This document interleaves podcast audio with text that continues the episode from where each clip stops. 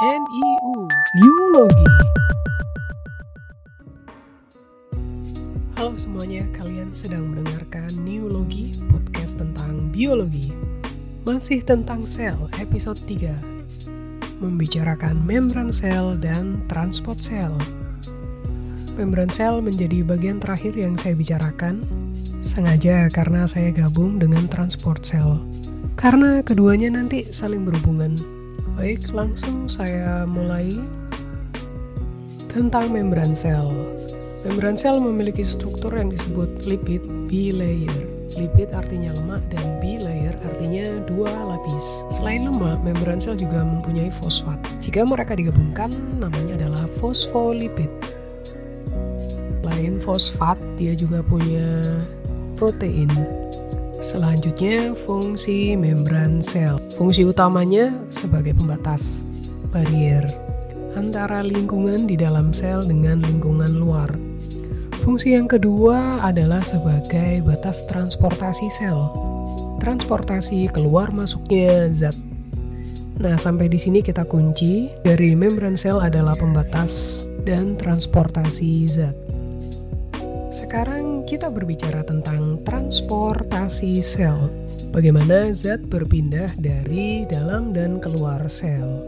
Perpindahan zat dalam sel itu ada dua. Ada yang membutuhkan energi dan ada yang tidak perlu energi. Transportasi yang tidak membutuhkan energi dikatakan transportasi pasif.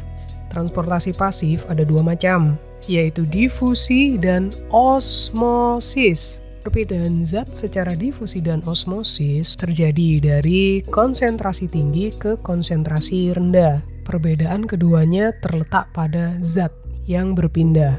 Pada difusi yang berpindah adalah zat terlarut, sedangkan pada osmosis yang berpindah adalah zat pelarut. Jika saya ambil contoh larutan gula, maka yang menjadi pelarut adalah air dan terlarut adalah gula. Jadi boleh saya katakan pada proses difusi yang berpindah adalah gula, sedangkan osmosis yang berpindah adalah airnya.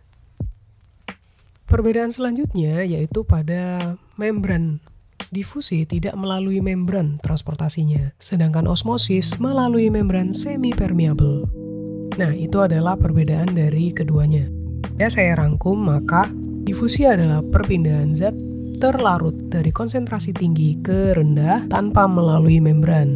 Sedangkan osmosis adalah perpindahan zat pelarut dari konsentrasi tinggi ke konsentrasi rendah melalui membran semi-permeable. Akibat dari proses transportasi zat ini mempengaruhi kondisi sel.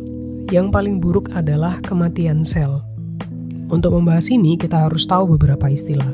Larutan dengan konsentrasi tinggi kita sebut hipertonis, larutan konsentrasi rendah kita sebut hipotonis. Pindahan zat ini terjadi karena kondisi yang tidak seimbang itu dan mereka ingin menciptakan lingkungan yang seimbang disebut homeostasis. Dan pada kasus larutan dengan konsentrasi yang berbeda, maka konsentrasi yang seimbang disebut sebagai isotonis. Jika sel kita tempatkan pada larutan hipertonis, maka sel hewan akan mengalami krenasi. Pada sel tumbuhan akan mengalami plasmolisis. Air di dalam sel keluar semua, seperti dikuras habis.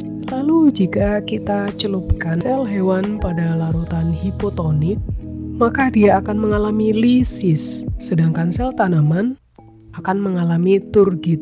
Pada larutan hipotonis atau larutan yang encer, Lingkungan sekitar memiliki kondisi air yang berlebih. Ini membuat air masuk ke dalam sel, sehingga sel mengembung. Embung semakin membesar, membesar, dan mati. Pada sel hewan dia akan pecah atau lisis, sedangkan pada sel tumbuhan dia akan turgid. Mengembang saja, dia tidak pecah, karena ada dinding sel yang menahannya. Itu tentang respon yang terjadi pada sel akibat transport zat. Sekarang kita melangkah kepada transport aktif, yaitu transport yang membutuhkan energi. Sama ada keluar dan masuk. Yang keluar dikatakan eksositosis, sedangkan yang masuk dikatakan endositosis. Proses endositosis ini ada dua, bedakan berdasarkan ukuran partikel yang masuk. Jika partikelnya kecil kita sebut pinositosis, jika partikelnya besar kita sebut fagositosis. Contoh dari pinositosis ini biasanya pada sel darah putih, sedangkan fagositosis terjadi pada amuba yang memakan protozoa, biasanya paramecium. Lalu sekarang tentang eksositosis, tentang pengeluaran zat, biasanya enzim atau hormon, dan ini terkait pada satu organel, yaitu badan Golgi. Tentu masih ingat fungsi badan Golgi kan? Yaitu menghasilkan enzim. Pada episode terakhir tentang sel, berisi membran sel dan transport zat. Akan diputar kembali, didengarkan kembali, agar hafal dengan sendirinya. Jaga kesehatan, jaga lingkungan kita. Assalamualaikum warahmatullahi wabarakatuh.